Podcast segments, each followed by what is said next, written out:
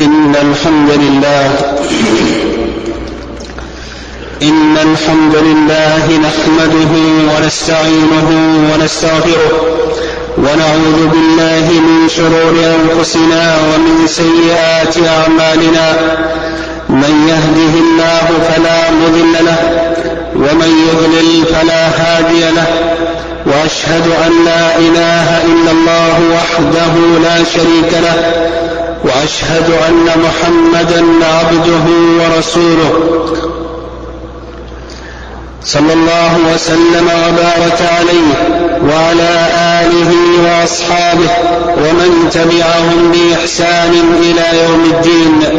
أما بعد عباد الله فإن خير الحديث كتاب الله وخير الهدي هدي محمد صلى الله عليه وسلم وشر الأمور محدثاتها وكل محدثة بدعة وكل بدعة ضلالة. عباد الله أوصيكم ونفسي بتقوى الله عز وجل. يا أيها الذين آمنوا اتقوا الله حق تقاته ولا تموتن إلا وأنتم مسلمون. إن مرجع كثير من المشكلات الدينية أو الاجتماعية في فترات الإجازات الصيفية ذلك الفراغ الهائل الذي يخيم على أكثر الناس في هذه الفترة فما الإجازة عند أكثر الناس إلا كم كبير من الوقت الفارغ. الذي لا يحسن استعماله ولا تصريفه فهي أوقات سائبة وطاقات معطلة ولقد صدق رسول الله صلى الله عليه وسلم حين قال نعمتان مقبول فيهما كثير من الناس الصحة والفراغ. عباد الله إنما كان الفراغ نعمة لأن استغلاله في الطاعات في الطاعة والبر يرفع درجة العبد عند ربه ويحصل له بذلك سعادة الدنيا ونعيم الآخرة فإن الدنيا مزرعة الآخرة وفيها التجارة الذي التي يظهر كسبها وربحها يوم يقوم الناس لرب العالمين. ولذلك وجه الله تعالى نبيه محمدا صلى الله عليه وسلم إلى استثمار الفراغ بالاجتهاد في الطاعة والنصب والتعب فيما يقرب إلى الله. فقال سبحانه فإذا فرغت فانصب. وسر هذا التوجيه أيها المؤمنون أن العبد إنما خلق لعبادة الله وحده لا شريك له في كل وقت وحين. قال سبحانه واذكر ربك كثيرا وسبح بالعشي والإبكار. وقال سبحانه واعبد ربك حتى يأتيك اليقين. فإذا فرغ الإنسان مما لا بد له من أشغال الدنيا فليعد إلى غاية وجوده وهي عبادة الله سبحانه. إن الفراغ نعمة مهدرة. إن الفراغ نعمة مهدرة عند كثير من الناس بل هو سبب كثير من الفساد من المفاسد والشرور. فمن ذلك أن الفراغ المهدر سبب لتسلط الشيطان بالوساوس الفاسدة على الإنسان التي ينشأ عنها كثير من الانحرافات البدنية والنفسية. فنفسك إن لم تشغلها بالحق والخير شغلتك بالباطل والشر. إن الفراغ السائب سبب لكثير من الأمراض الجسمية والنفسية والمعنوية فحق على كل مؤمن أن يأخذ بما أمر الله تعالى وبما أوصى به النبي صلى الله عليه وسلم. اغتنم خمسا قبل خمس شبابك صحتك فراغك غناك حياتك. إن كيفية استغلال هذا الفراغ وقضاء الإجازة أمر يحتاج إلى أن نقف معه عددا من الوقفات. الوقفة الأولى مع الشباب مع الشباب ذكورا وإناثا. أيها الشباب أنتم عماد الأمة ورصيدها وذخرها وسر وسر نهضتها وبناة مجدها ومستقبلها فبصلاحكم واستقامتكم يصلح المجتمع ويستقيم ومن أهم عوامل تحقيق صلاحكم واستقامتكم وعيكم بواجبكم وملؤكم أوقاتكم بالنافع المفيد وها أنتم تستقبلون إجازتكم, إجازتكم السنوية فإياكم وإياكم والفراغ والبطالة فإنهما أصل كثير من الانحراف كما قال الأول إن الشباب والفراغ والجدة مفسدة للمرء أي مفسدة فاملأوا أوقاتكم في هذه الإجازة بالنافع والمفيد في دين أو دنيا. ولا تتركوها نهبا لشياطين الإنس والجن. وقد يسر الله تعالى لكم في هذه الأزمان قنوات عديدة تستغلون من خلالها أوقاتكم وتنمون قدراتكم وعلومكم. بل وإيمانكم. فمن ذلك حلق القرآن الكريم المنتشرة في المساجد فإنها رياض من رياض الجنة وفيها خير عظيم ومن هذه القنوات التي تحفظون بها أوقاتكم تلك الدروس العلمية والدورات التي تقام هنا وهناك وفيها يتعلم الشباب ما يجب عليه معرفته من علوم الشريعة والدين ومن هذه القنوات ما قد يوجد من المراكز الصيفية التي يشرف عليها أساتذة فضلاء ومربون نجباء يعملون على إشغال أوقات الشباب بما يفيدهم وينفعهم ففيها الأنشطة الترويحية والدورات العلمية والثقافية. فاحرصوا أيها الشباب على الانضمام إليها والاستفادة منها فإن فيها خيرا كثيرا.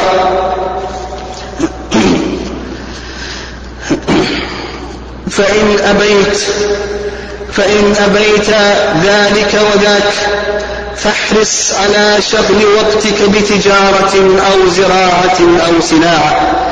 تملأ وقتك وتحفظك من شرور الفراغ وأهله. فإن نفسك إن لم تشغلها بالحق شغلتك بالباطل ولا بد. وإياك ورفقاء السوء وقرناء الشر من الآلات والآدميين الذين يزينون لك المنكر ويدعونك إليه ففر منهم فرارك من الأسد. أيها الشاب كن صادقا مشاركا إيجابيا في حياتك حاملا هم قضايا أمتك متفاعلا في بناء مجتمعك مفتاحا لكل, غي... لكل خير مغناقا لكل شر موازيا بين متطلبات روحك وجسدك بكل فضيلة متحل وعن كل رذيلة متخل. تكن بإذن الله خير خلف لخير سلف. أما السلبية والبطالة والتضييع والتسويف والعطالة فهي عتاد كل فارغ بطال.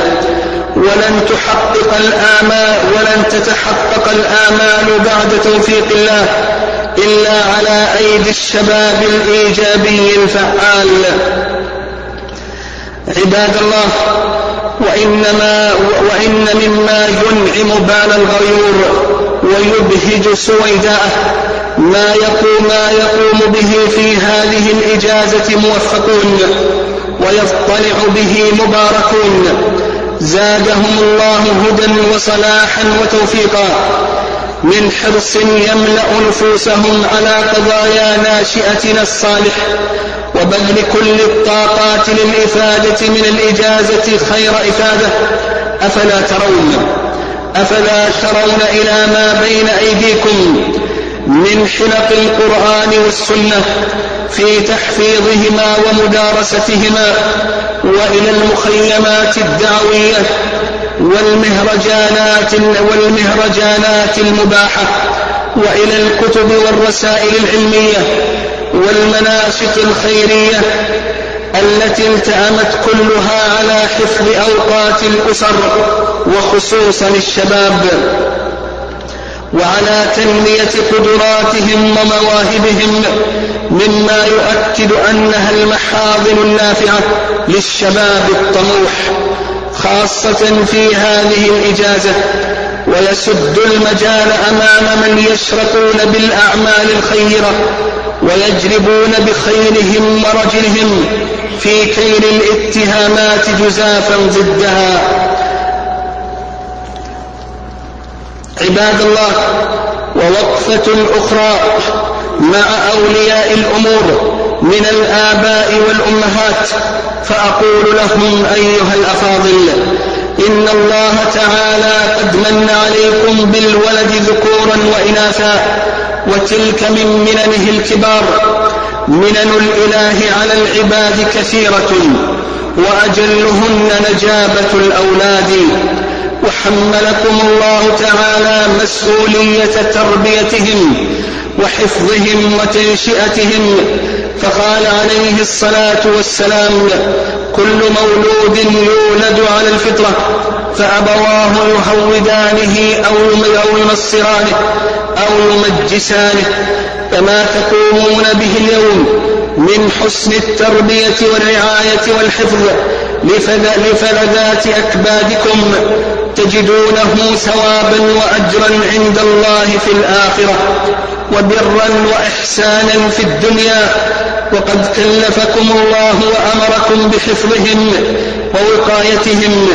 قال تعالى يا أيها الذين آمنوا قوا أنفسكم وأهليكم نارا وقودها الناس والحجارة. وقال عليه الصلاة والسلام والرجل راع في أهله ومسؤول عن رعيته والمرأة راعية في بيت زوجها ومسؤولة عن رعيتها. متفق عليه. فمحافظتك على أولادك ورعايتك لهم والاجتهاد في أصل إصلاحهم وإبعادهم عن الفساد وأهله واجب كبير. ومقدمة ضرورية لاستقامتهم وصلاحهم. فالأب الذي أدار ظهره لأولاده وبيته فلم يجلس فيه إلا ساعات قصارا في نوم أو أكل وقد أخذت مشاغله بتلابيب قلبه وشغلت لبه فلم يلتفت لأولاده ولا لإصلاحهم هل قام بما أوجب الله عليه؟ والأب الذي يترك الحبل على الغالب لأولاده يخرجون متى يشاءون ومع من يريدون يسهرون إلى الفجر وينامون أكثر النهار ويصاحبون أهل السوء ويهاتفون أهل الشر هل قاموا بحفظهم ورعايتهم؟ والأب الذي أدخل إلى بيته وسائل الإفساد والدمر وامتطت صحون الشر وأطباق البلاء صحوة بيته وانتشرت مجلات الشر وأشرطة الخراب في حجر أولاده هل قام بتنشئة أولاده على البر والتقوى؟ إن الجواب على هذه الأسئلة ما ترونه من أحوال أبناء هؤلاء لا ما تسمعون. فيا أولياء الأمور اتقوا الله فيما استرعاكم الله إياهم. مروا أولادكم بالمعروف وانهوهم عن المنكر ونفروهم منه. واحفظوهم عن قرناء السوء وأصحاب الشر. أبعدوهم عن وسائل الإعلام الفاسد. أشغلوا أوقاتهم في هذه الإجازة بما يعود عليهم بالنفع في دينهم ودنياهم. شجعوهم بالجوائز المادية والمعنوية. وبادروا بذلك كله في أوائل أعمالهم فإن هذا أنجع في تربيتهم. إن مما يؤمل من الآباء والأمهات في تحمل العبء الأكبر في هذه الإجازة الصيفية من مراقبة من مراقبة ومسؤولية لبناتهم وأبنائهم والأخذ بحجزهم عن مواطن الاختلاط والريبة. وعن درع الأسواق والطرقات كما هو ديدن الخراجين والولاجين والخراجات والولاجات ودعهم دعا عن موجبات التغريب وصيحات التقليد وموضات التشبه. اللام وموضات التشبه والانفتاح اللامنضبط التي زمجرت أمامهم فخلفت كثيرا منهم مذبذبين صرعا. والنبي صلى الله عليه وسلم يقول إن الله سائل كل راع عما استرعاه حفظ أم ضيع حتى يسأل الرجل عن أهل بيته. رواه ابن حبان في صحيحه. قال ابن القيم رحمه الله تعالى فمن أحمل تعليم ولده ما ينفعه وتركه سدى فقد أساء إليه غاية الإساءة. وأكثر الأولاد إنما جاء فسادهم من قبل من قبل من قبل الآباء وإهمالهم.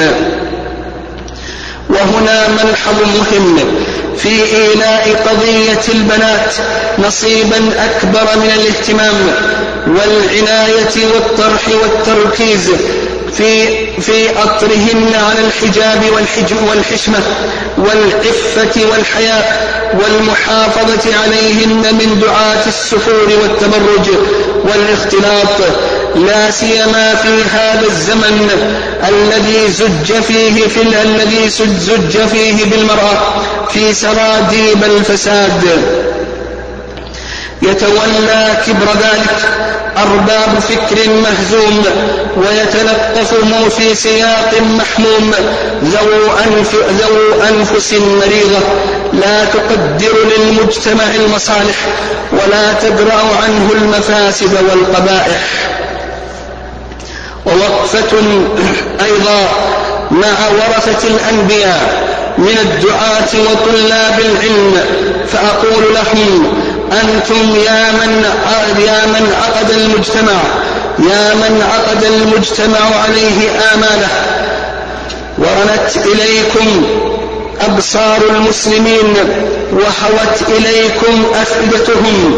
إن المسؤولية التي أنيطت بكم وألقيت على كاهلكم في توجيه الناس وتربيتهم ودعوتهم وتبصيرهم أعظم من غيركم لا سيما في هذا الزمان الذي كثر فيه الفاص الذي كثر فيه الباطل.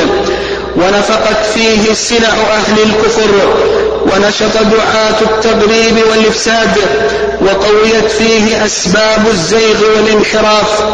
فالمجتمع مهدد بجحافل هؤلاء المفسدين المتربصين الذين يجرون الناس, إلى الفساد جراء ويأطرونهم عليه أطرا. فواجبكم إزاء هذا الواقع كبير لا يسوغ لكم التخلي عنه ولا الرجوع عنه. فسابقوا بارك الله فيكم أعداءكم واعملوا بمضاء واعملوا بجد واعملوا بجد ومضاء واجتهدوا في الدعوة إلى الله تعالى. واسلكوا كل, كل سبيل واطرقوا كل باب لنشر الخير بين الناس. سافروا إلى القرى والأمصار. وعلموا الجاهل وأرشدوا التائح ودلوا الحائر مروا بالمعروف وانهوا عن المنكر حذروا الناس من الفساد والعصيان عروا لهم الباطل ووسائل التدمير. واكشفوا زيف واكشفوا زيفه واجهوا الغارة العشواء التي يشنها أعداء الإسلام وأعداء الإسلام بالعلم والبيان والدعوة والصبر والإيمان. انشروا الكلمة الطيبة والمحاضرة النافعة والكتاب المفيد أقيموا الدروس والكلمات في مساجدكم وإحيائكم وأحيائكم ومجالسكم واجتماعكم وليبذل كل منكم في مجاله فالمدرس في حلقته والمربي في مركزه والإغاثي في موطن الاحتياج. أخلصوا في ذلك كله لله تعالى فإن ما كان لله يبقى. وما كان لغيره يذهب أدراج الرياح لا لا تحقروا من أعمال البر والدعوة شيئا ولو أن تلقى أخاك بوجه طلق. واعلموا أنكم إذا أخذتم بذلك كنتم من أحسن الناس قولا ومن أحسن قولا ممن دعا إلى الله وعمل صالحا وقال إنني من المسلمين. أقول ما سمعتم وأستغفر الله لي ولكم من كل ذنب فاستغفروه إنه هو الغفور الرحيم. الحمد لله رب العالمين والعاقبة للمتقين ولا عدوان إلا على الظالمين. وأصلي وأسلم وأبارك على من بعثه الله رحمة للعالمين. عباد الله وقفة أخيرة مع, مع أولئك الذين شدوا حقائبهم وأعدوا أمتعتهم وحجزوا مراكبهم للسفر للسفر إلى خارج البلاد إلى مواطن الفتن إلى هؤلاء يقول اتقوا الله في أنفسكم وأهليكم فإن السفر إلى تلك البلاد محرم ولا يجوز لما فيه من تعريض النفس والأهل والولد للفتنة التي أعلاها الكفر بالله تعالى وأدناها موافقة المعاصي والذنوب أو على الأقل استساغة المنكر والفجور فإن تلك البلاد والمصائف قد تعرت قلوب أهلها عن الإيمان وانسلخت أجسادهم عن زي الحشمة والحياء والإسلام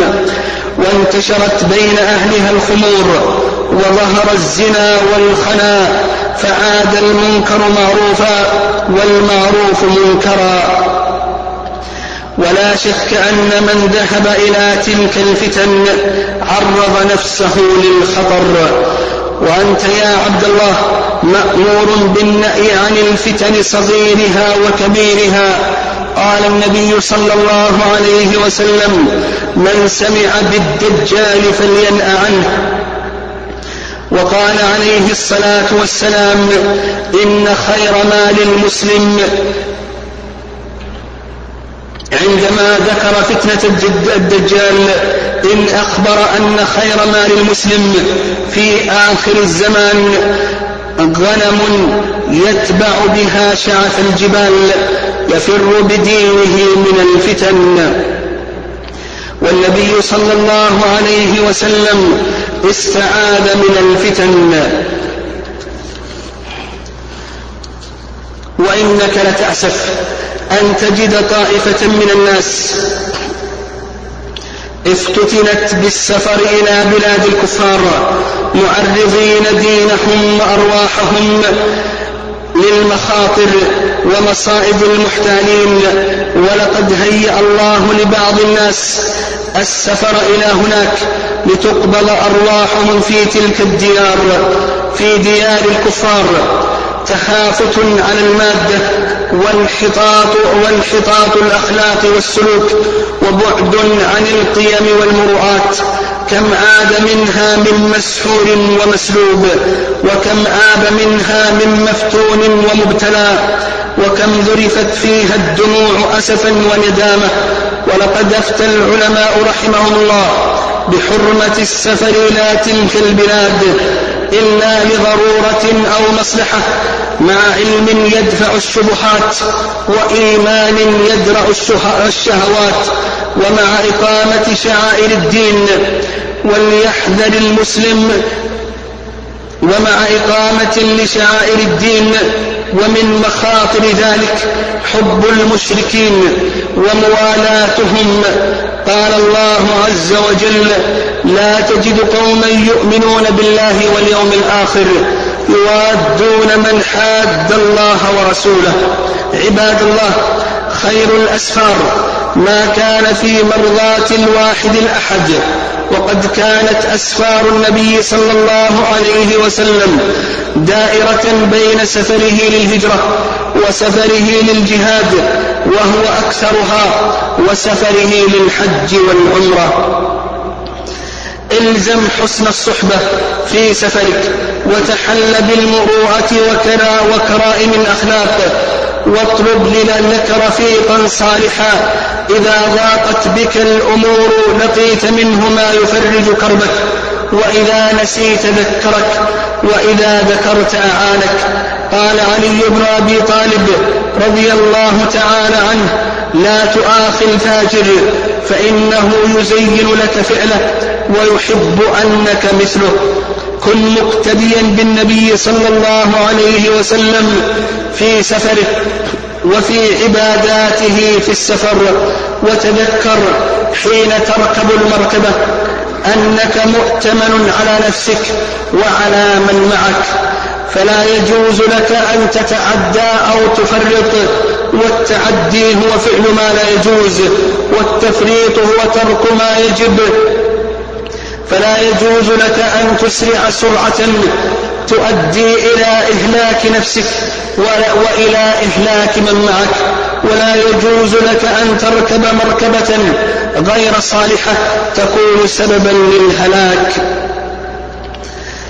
تذكر وأنت تسافر النزهة مشقة سفر العلماء لتدوين العلم وحفظ الدين وهداية الأمة فقد سطروا من الأخبار أعجبها ومن الأحداث أحلكها ومن الأحداث أحلكها متعرضين للفقر والجوع والمخاطر رغبة في الثواب ونشر الخير. رحل, رحل الإمام إسحاق بن منصور من نيسابور إلى بغداد سيرا على قدميه حاملا كتبه على ظهره يسأل عن مسائل فقهية.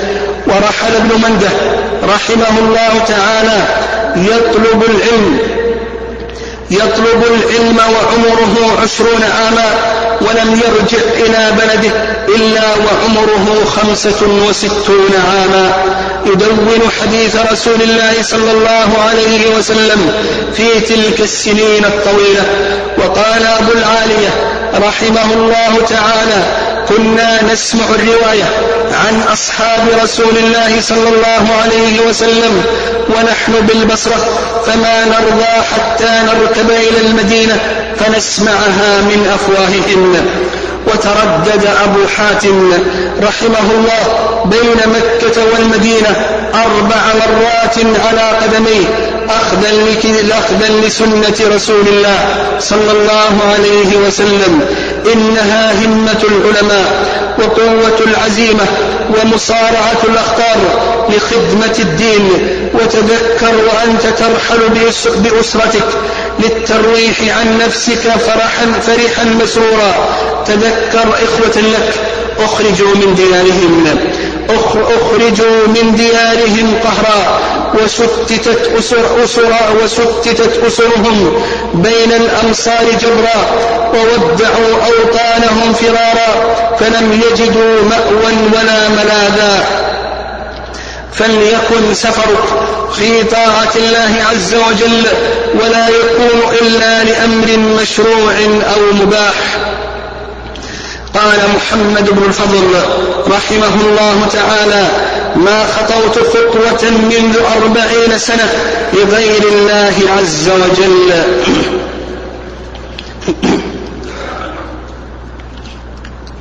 عباد الله لا يكتمل النعيم إلا براحة الروح مع الجسد وقراءة القرآن وذكر الله يضفي على السفر راحة وطمأنينة.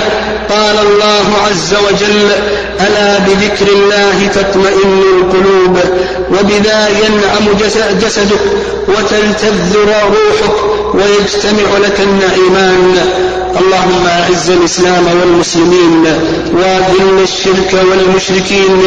اللهم عليك بأعداء الدين من اليهود الظالمين الغاصبين والنصارى الحاقدين. اللهم احفظ دماء المسلمين. اللهم احفظ دماء المسلمين في فلسطين. واحفظ دماء المسلمين في العراق. واحفظ دماء المسلمين في أفغانستان وفي كل مكان يا ذا الجلال والإكرام. اللهم عليك بأعداء الدين. اللهم عليك بالظالمين الحاقدين. اللهم من أرادنا أو أراد الإسلام والمسلمين بسوء فأشغله بنفسه ورد كيده في نحره واجعل اللهم تدميره في تدبيره واجعل اللهم الدائرة عليه يا ذا الجلال والإكرام. اللهم آمنا في أوطاننا. وأصلح أئمتنا وولاة أمورنا. اللهم اجعلهم محكمين كتابك وسنة رسولك محمد صلى الله عليه وسلم. اللهم فرج كرب المكروبين ونفس عسرة المعسرين. اللهم اقض الدين عن المدينين اللهم اشف مرضى المسلمين. اللهم اغفر لموتى المسلمين. واخصص من ذلك الوالدين والأقربين. برحمتك يا أرحم الراحمين. اللهم إنا نعوذ بك من الفتن ما ظهر منها وما بطن. اللهم اهدنا ويسر الهدى لنا. اللهم اهدنا ويسر الهدى لنا. اللهم إنا نسألك فعل الخيرات وترك المنكرات وحب المساكين وأن تغفرنا وترحمنا. وإذا أردت بقوم فتنه فاقبضنا إليك غير مفتونين. اللهم صل وسلم وبارك